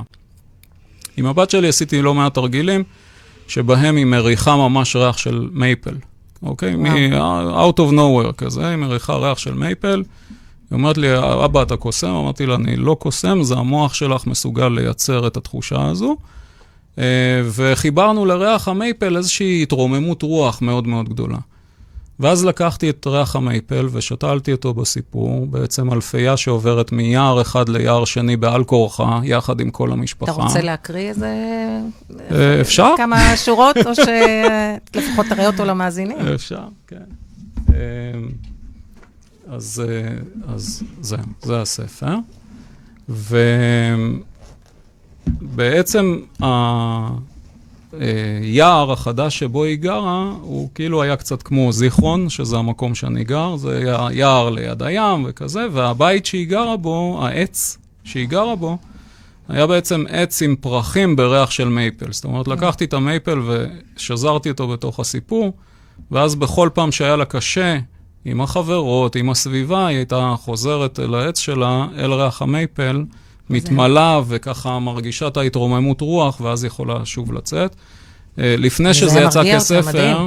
אנחנו הקראנו את זה ממש בלופ, כל יום, כל יום, כל יום, עד שיום אחד נמאס לה והיא אמרה לי, אבא, די. ומה שהיה חשוב אה, זה שהיא לא תדע שזה עליה. מבחינתה זה היה סיפור, ובאמת התמורות בתוכה התחוללו מאוד מהר, שזה היה יפה לראות, ואז החלטנו שזה אה, יוצא כספר. אה, דווקא את העמוד האחרון, אם אני אקריא, מעולה, כאילו, כן. נראה לי, כן. וזה אחד הציורים, הופלה, סליחה. אחד הציורים שאני מאוד אה, אוהב, אני לא יודע כמה אפשר לראות אותו, אה, אוי. שבעצם משדר איזושהי עוצמה. אה, אז העמוד האחרון של הספר הולך ככה: כשהיא שוב מתגעגעת, או שקצת קשה לה, היא יודעת בדיוק מה לעשות. עליה להריח את הפרחים של העץ הלבן שלה, ולמלא את הריאות בריח נפלא. מיד משתפר מצב רוחה, והיא מתעופפת ביער עליזה ושמחה. עפה ורוקדת שמחה ומאושרת, כי יש לה את הכוח בעצמה לפרוח. בעצם התעצומות שלנו תמיד נמצאות בפנים. אחת הטעויות שאנחנו עושים זה שאנחנו מחפשים אותן כל הזמן בחוץ. אם זה אצל בן הזוג, אם זה בעבודה אצל הבוס וכולי. אנחנו גם נותנים את הכוח שלנו למעשה לבני הזוג, לבוסים כן. שלנו, לש- לחברים, לילדים לפעמים. כן, אז אנחנו צריכים לזכור שבאמת העוצמה שלנו נמצאת בפנים, אה, אנחנו רק שוכחים. אנחנו שוכחים מה היא ואיפה היא ואיך ניגשים אליה. אה, ואז נורא נוח לנו לשים אה, את התשומת לב על מישהו שהוא חיצוני לנו, כי יש בזה פחות מאמץ. אני פחות צריך כן. להתאמץ. כי כשאתה שם מאמץ על עצמך, אז... כן, והשקט, ו... כן, כן. יש שם איזושהי אי-נוחות של בן אדם עם עצמו. כן, כן. לכן ו- אנשים גם לא כל כך אוהבים להיות בבדיד... אה, לבד, נכון. ומעדיפים לשים טלוויזיה, ומעדיפים נכון. את כל ה... ללכת לישון עם הסמארטפון ביד, ולהתחיל נכון. להתכתב עם חצי עולם, ואז אה, כן, ישנים עם חצי עולם ולא עם עצמנו, למעשה. לגמרי. כי בלבד הרבה פעמים צדים, אה, צפים הרבה פחדים, ובלבד אה, ישנו הקול המבקר שיושב אי בתוכנו. התאמות בינינו לבין ו- עצמנו. לגמרי, כן. השופט שבתוכנו. כן. אז בואו נשים עוד שיר אחד.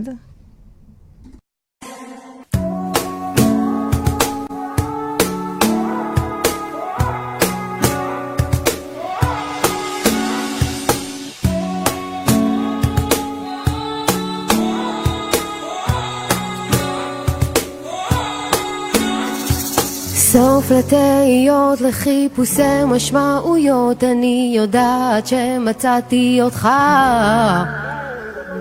כל הנערות עוד ישטפו את הדמעות, אני יודעת שמצאתי אותך. שמע,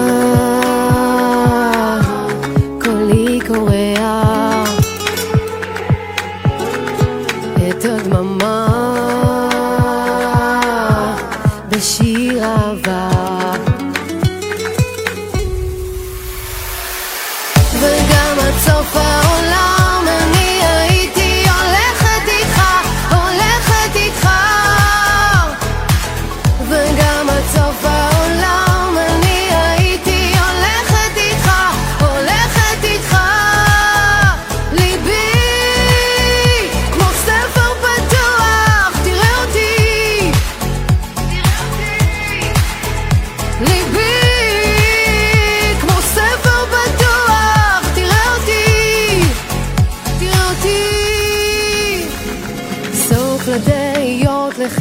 לחיפושי משמעויות, אני יודעת שמצאתי אותך. כל הנהרות מזמן שטפו את הדמעות, אני יודעת שמצאתי אותך. ליבי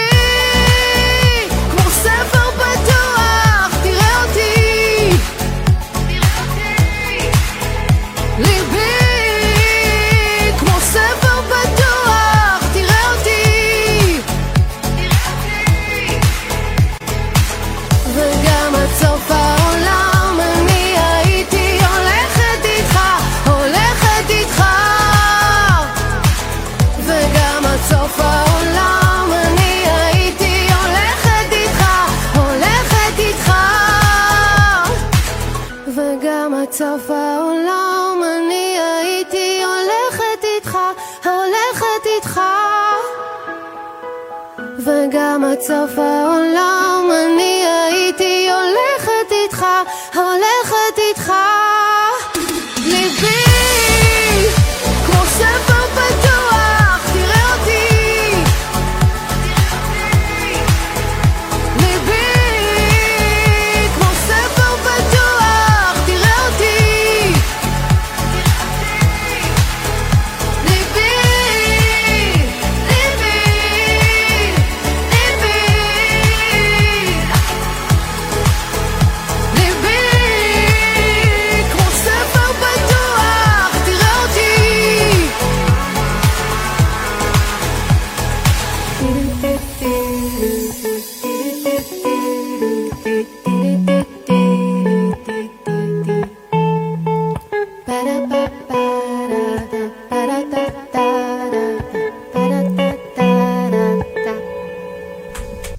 טוב, נדב, איך הזמן כן. עובר לנו כאן.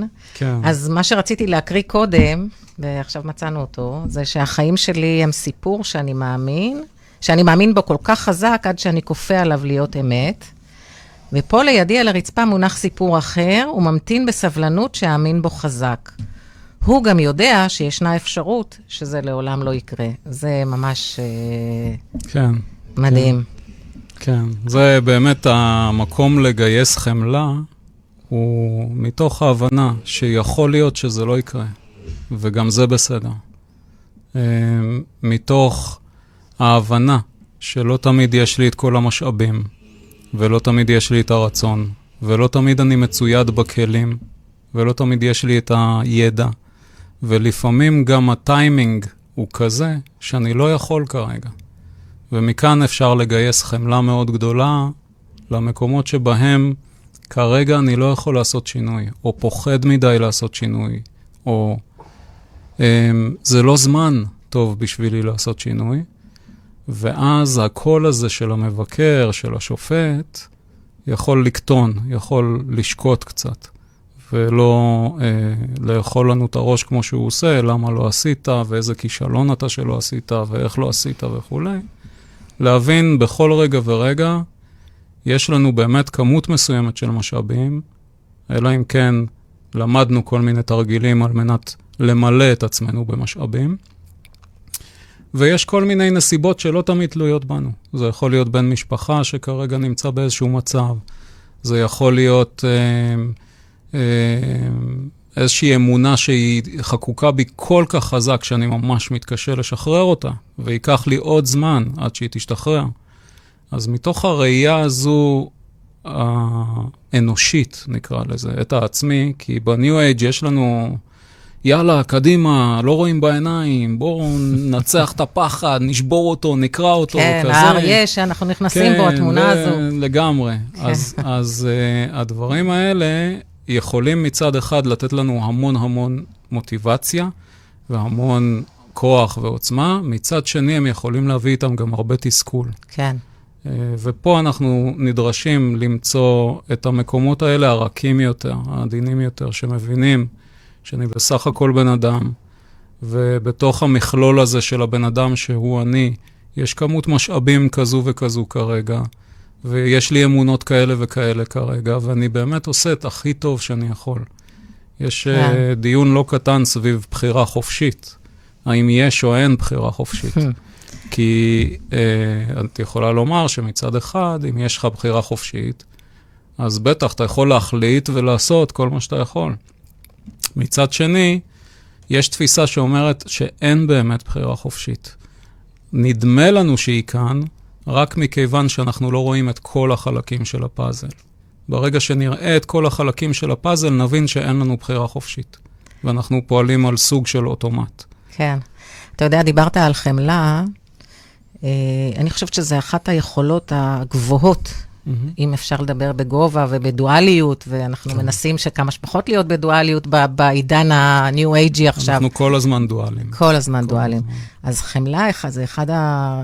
אחת היכולות, אני חושבת, הכי גבוהות והכי פחות קלה ליישום, במיוחד כלפי עצמנו. כן.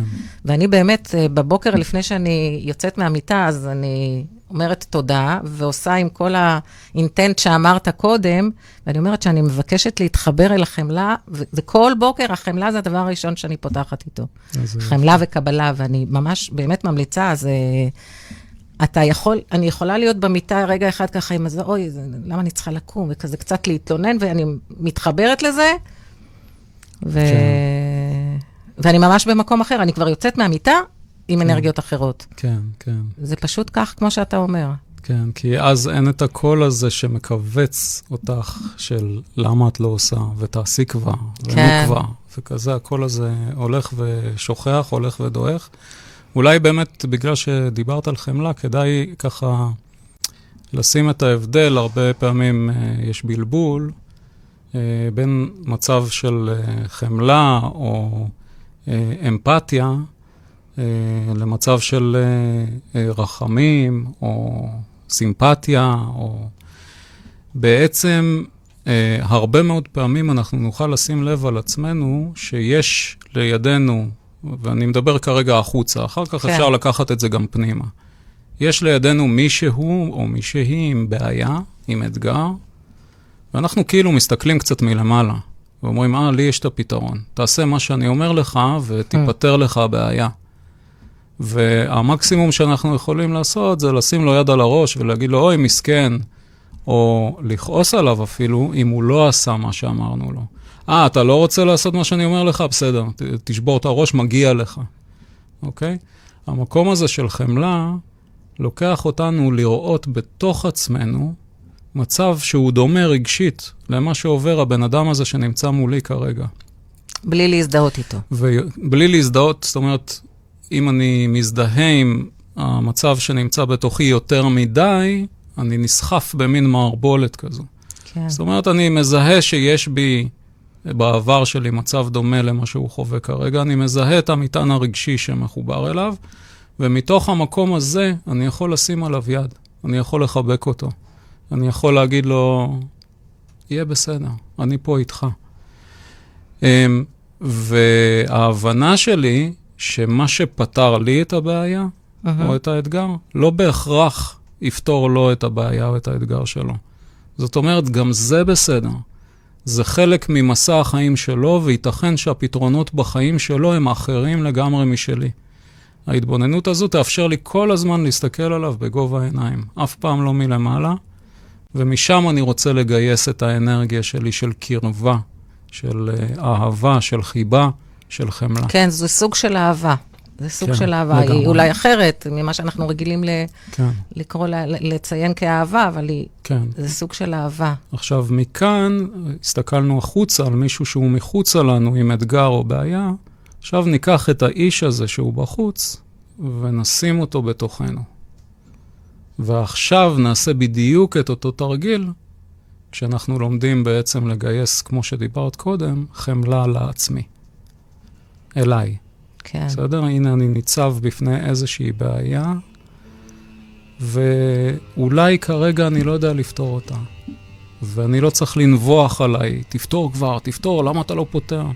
ולמצוא את המקום הנינוח הזה, זה גם... Uh, המיומנות הזו יכולה אחר כך לקחת אותנו למקום סופר סופר חשוב, שבו אנחנו מתרחקים מהאוטומט של פתרון בעיות, שזה אחד האוטומטים שלדעתי מוביל מאוד בחברה המערבית. יש בעיה, בום, צריך לפתור אותה. הנה איך פותרים, אוקיי?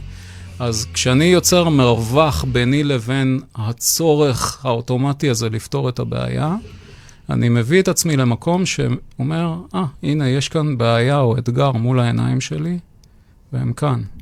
ואני נושם, אתה יודע, אה, ואני אתמול, מתרחק.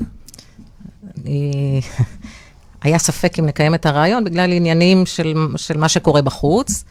וביום שני דיברנו על זה, ואתה, ודיברנו שאולי לא יהיה, ואני ישר, אני בן אדם של אה, חייב לדעת עכשיו מה קורה בעוד שבוע. זאת אומרת, זה כבר לא ככה, אבל פעם זה בהחלט היה ככה, היא אוהבת תוצאות מיידיות ול, ולדעת ולהיות מתוכננת. אמרתי, אוקיי, מה אני עושה עכשיו? אמרתי, אוקיי, את מתרגלת שוב. כן. את לא פותרת כלום, תחכי 24 שעות, תראי מה שיהיה. ועכשיו, אני, אפילו כשנכנסה שנייה מחשבה של מה יהיה, אמרתי, אני לא מזדהה עם המחשבה הזו, הזזתי אותה הצידה, כן. עד שדיברנו אתמול בצהריים, ועוד החלטנו לחכות עד אה, יותר מאוחר וכולי. אבל אה, אפשר לעבוד על זה, זאת אומרת, כן. לגמרי. אה, אני יכולה להגיד פה שזה ממש בר ביצוע, מה שנקרא, גם. בגיל 65, אגב. לגמרי. זה בסך הכל אוטומט, שלאוטומט הזה זה בלתי נסבל שיש כרגע בעיה מול העיניים, כן. ואפשר ללמד אותו לאט-לאט שזה נסבל, שזה והייתי בסדר. בשל... בסופר שלווה, אני רוצה לומר לך, זה בכלל לא... כן. אבל זה היה איזשהו משהו מאוד נקי, כאילו, כן. גם איזו ידיעה פנימית שיהיה בסדר. כאילו, כשאתה לא מחפש נכון. את מה שיהיה ואיך לפתור את הבעיה, אז... ואתה נרגע, אז כאילו, יש איזשהו משהו פנימי שאומר, יהיה בסדר, גברת. חכי, נכון, זה נכון. בסדר שאת מחכה. עכשיו, אה, יפה לראות שכשאני כן מפעיל את האוטומט, אז הוא ילך וישלוף אחד או שניים או שלושה פתרונות מדף שיש לו מוכנים, והוא רק צריך להושיט את היד ולשלוף אותם.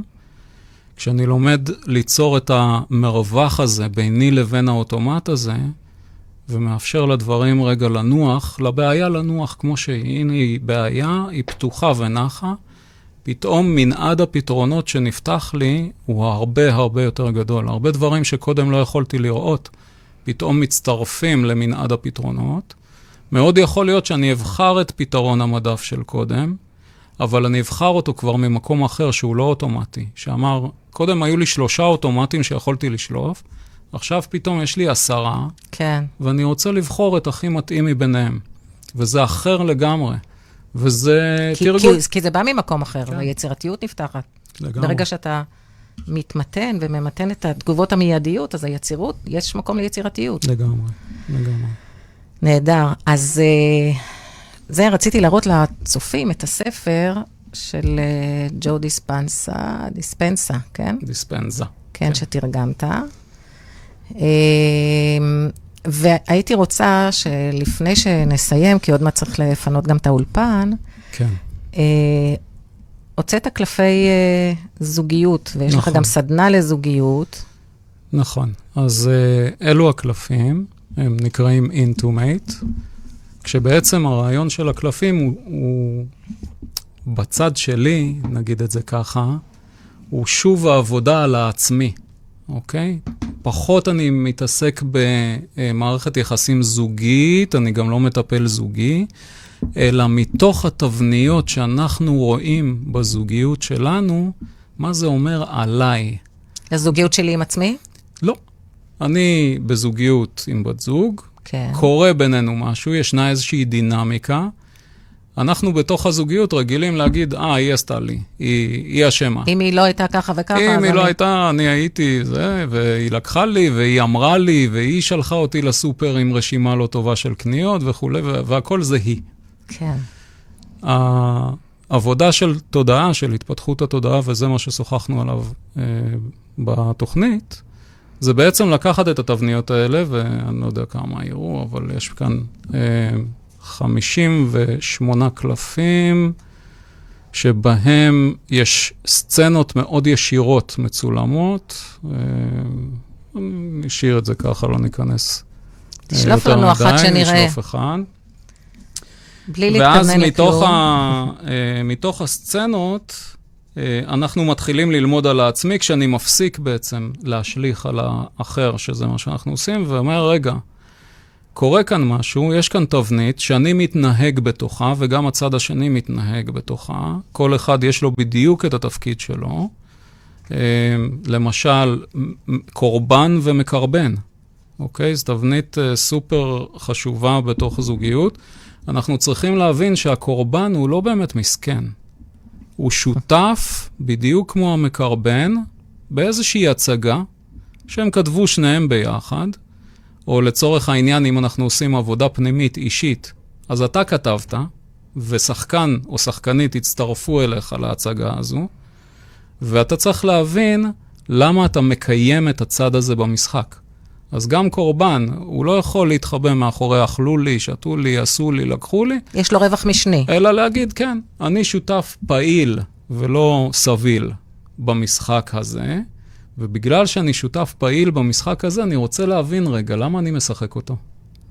איזה סיפור יש כאן ש- ש- שהוא אמת מבחינתי ואני מספר אותו לעצמי? וברגע שהוא מבין את הסיפור, ואז מכאן אפשר להתחיל להתבונן על אה, אמונות שאני מחזיק מהילדות, מה ראיתי בבית וכולי וכולי, כשאנחנו כל הזמן מתמקדים בעבודה על העצמי, אוקיי? פחות, אני, פחות, מת, אני לא מתעסק, לא פחות, אני לא מתעסק בדינמיקה זוגית, זאת אומרת, באים זוג ואנחנו בודקים מה קורה ביניהם. אני לא, מטפלים אוקיי. זוגיים שרוכשים את הקלפים, כן. אני מתעסק באוקיי, זאת התבנית שזיהית, בוא נבדוק מה איתך בתוך זה. ואם יהיו, נגיד, זוג יבוא למעגל, אז עוד פעם, אה, בסדנה שאנחנו מעבירים, אני לא מעביר אותה לבד, יש איתי מטפלת זוגית בשם טל שיש, אוקיי. אה, וטל מביאה את כל האספקטים של טיפול זוגי ודינמיקה זוגית, ואני מביא את האספקטים של תודעה והתבוננות פנימה על היחיד. מדהים. כן, כן, זה שילוב ממש טוב, ועשינו אה, סדנה אחת אה, לפני חודש בערך, אולי קצת פחות, והייתה מאוד מוצלחת, והבאה שלנו מתוכננת לתחילת מרץ. אני מקווה שעם הקורונה וכזה, אז אנחנו כן נוכל אה, להוציא אותה לפועל. אה, זהו, אם אנחנו רוצים להסתכל על הלוואי איזושהי ויכולנו להגיד תבנית- על המ- על המקרנה הזו, שזה סיפור שאנחנו מספרים לעצמנו. כן, כן. אז אה, סתם, נגיד נבחר איזשהו קלף, אה, אני לא יודע, עוד פעם, אני מקווה, קשה לראות, אולי את הקלפים עם צבעים יותר בהירים, יהיה יותר קל לראות. אה, אולי זה, אתה עושה לי זום, מגניב. אז הנה, אז כאן יש לנו למשל קלף של מסכות, אוקיי? יש לנו שתי מסכות גדולות שתלויות, ויש לנו את הזוג באמצע, ושתי מסכות שזרוקות אה, על הרצפה. בעצם, אה, דבר מאוד חשוב בתוך זוגיות, זה לראות כמה אני יכול וכמה אני אמיץ לשחרר את התחפושות או את המסכות שאני מחזיק. והרבה פעמים אנחנו מחזיקים מסכות או תחפושות לא מרוע, לא כי אנחנו תחמנים, אלא כי אנחנו בטוחים במיליון אחוז שזה מה שבן הזוג רוצה לראות. ואם אני אראה לו את עצמי האמיתי, הוא לא יאהב את זה, והוא יעזוב אותי. אז אני אומר, לא, אני לא מוכן לזה, אז אני מחזיק איזושהי מסכה או תחפושת. חלק מהמסע האותנטי זה לראות כמה אני יכול לקלף מזה, וכמה אני יכול להישאר עצמי האמיתי בתוך הזוגיות שלי, וזה תמיד הכי טוב. זה קשה, זה דורש אומץ, אבל זה תמיד תמיד הכי טוב. למעשה, אבל אה, רובנו, אה, בכל מסגרת יש לנו מסכה, לא בכל מסגרת, יש הרבה מס, מסגרות שאנחנו עם מסכות שונות. אוקיי, כי אנחנו מת, הרבה פעמים מתאימים את עצמנו, זה מה שלמדנו. זה מה שאנחנו עושים, כן. אנחנו מתאימים את עצמנו. לסביבה, לחברה, בעבודה. נכון. ואז מה שקורה לנו, ואנחנו לא יודעים כל כך, לא שמים לב לזה כל כך, כשאנחנו לובשים על עצמנו מסכות שהן לא באמת אנחנו, אנחנו נדרשים להשקיע המון אנרגיה בתחזוקה של המסכה או של התחפושת. והאנרגיה הזו היא מתבזבזת לנו ממקום שבו אנחנו צריכים אותה, כמו שמחה, יצירתיות, אה, מיליון ואחד דברים שאפשר לעשות עם האנרגיה הזו, אבל במקום זה היא עכשיו מושקעת בלהחזיק איזושהי תחפושת, אה, לעבוד בעבודה שאני לא אוהב. אז אני מתחפש למישהו שעושה את העבודה כמו שצריך, אבל ה... אה, להחזיק את התחפושת הזו עולה לי בהמון אנרגיה. ולכן המטרה שלנו היא, וזה קשה, כן? כמו שאמרת, יש לי מסכה להורים, ומסכה לעבודה, ומסכה לחברים. ואם אני מרצה, אז אני, יש לי מיליון מולטי מסכות. כן. והרצון שלנו והמקום שאליו אנחנו שואפים, זה לאט לאט לצמצם את זה, ולהישאר כמה שיותר קרובים לעצמי האותנטי. בסדר? אה, אה, אם אני אקח שוב מהספר הזה של ג'ו, אז יש שם איזושהי דיאגרמה כזו של שתי כפות ידיים. והוא אומר, הכף יד התחתונה זה העצמי האותנטי שלך, הכף יד העליונה זה עצמך המחופש, מה שנדמה לך שהסביבה רוצה שתראה לה, אוקיי? העצמי המחופש, מה שנדמה לך שהסביבה רוצה שתראה לה. ובין שתי כפות הידיים קיים פער, והפער הזה מכיל בתוכו המון סבל. ככל שאנחנו לומדים לצמצם את הפער, מצטמצם גם הסבל. למה סבל? כי אני משקיע המון אנרגיה בלהחזיק פסאדה או דמות שהיא לא באמת אני. אני לא באמת מת על זה. על מה שאני עושה, או אני פוגש אנשים שאני אומר, מה לעשות, אין ברירה, אבל אני לא ממש אוהב אותם, אוקיי? אבל אני חייב, כי יש לי משהו שאומר לי שאני חייב. אז הדברים האלה מביאים בצידם המון סבל, משפיעים מאוד על גוף הרגש שלי, והמטרה זה לצמצם כמה שאפשר ולהוריד את המסכות כמה שאפשר.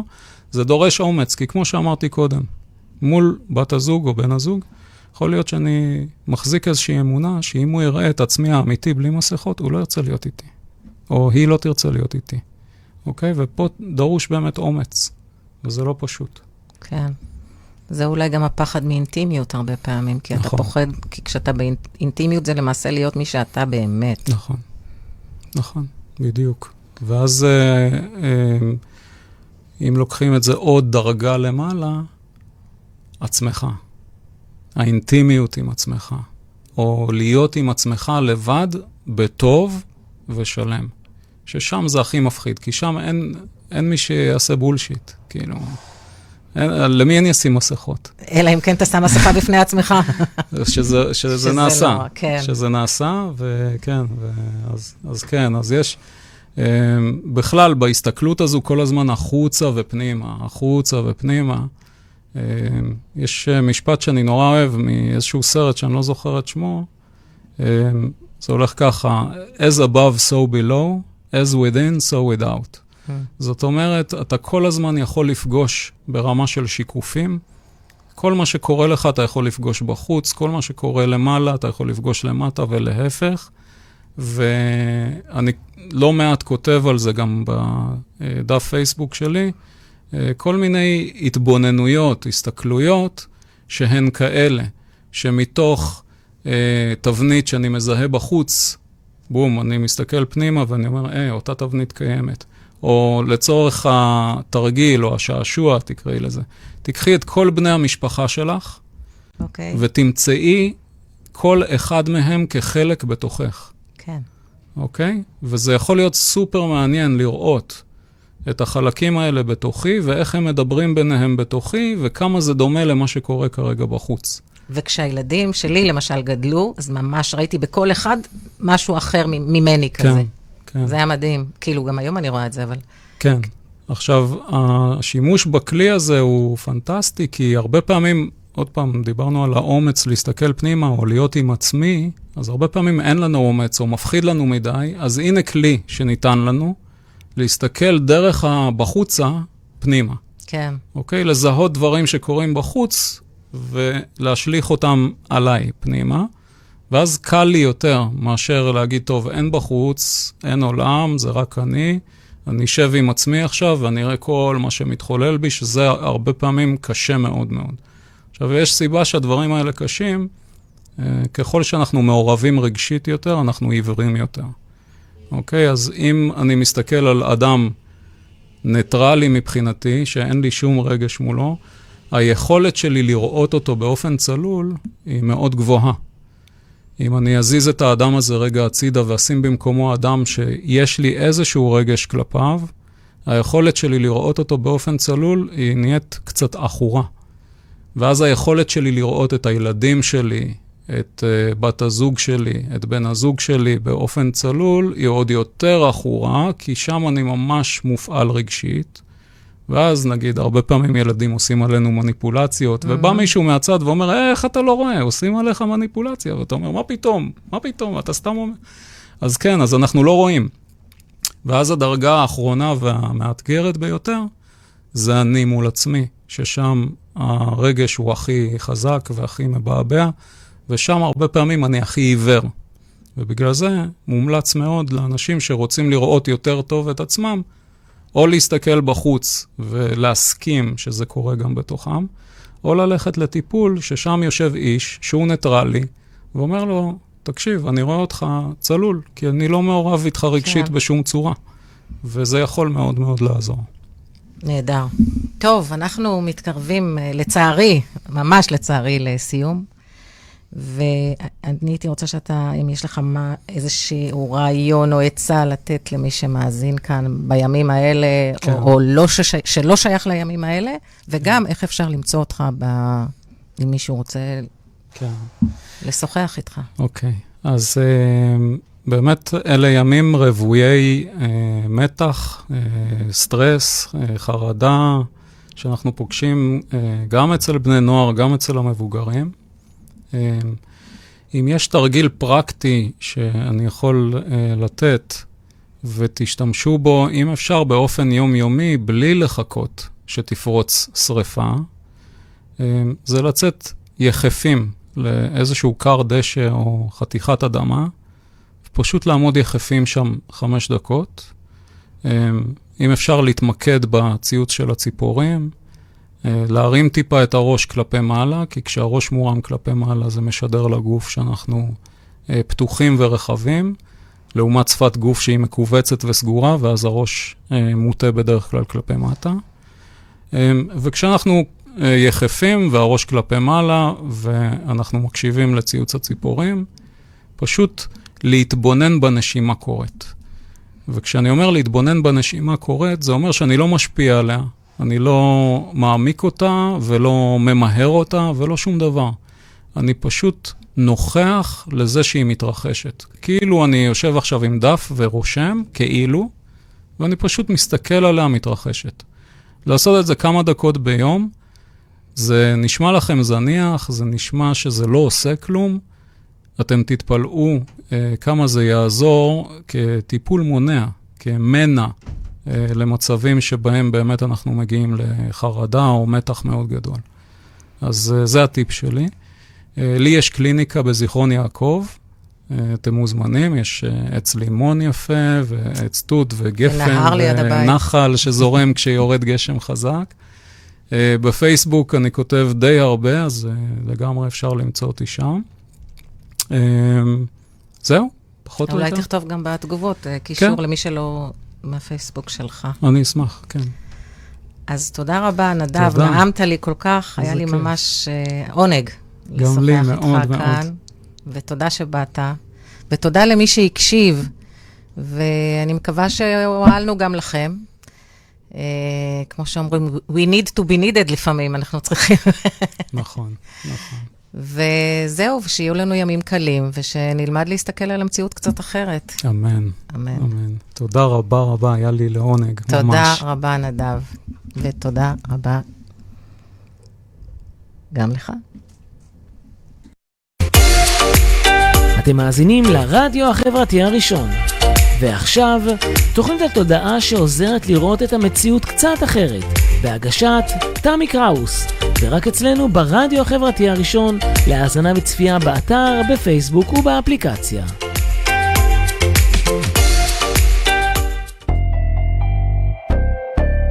הרדיו החברתי הראשון, הכוח חוזר לאנשים.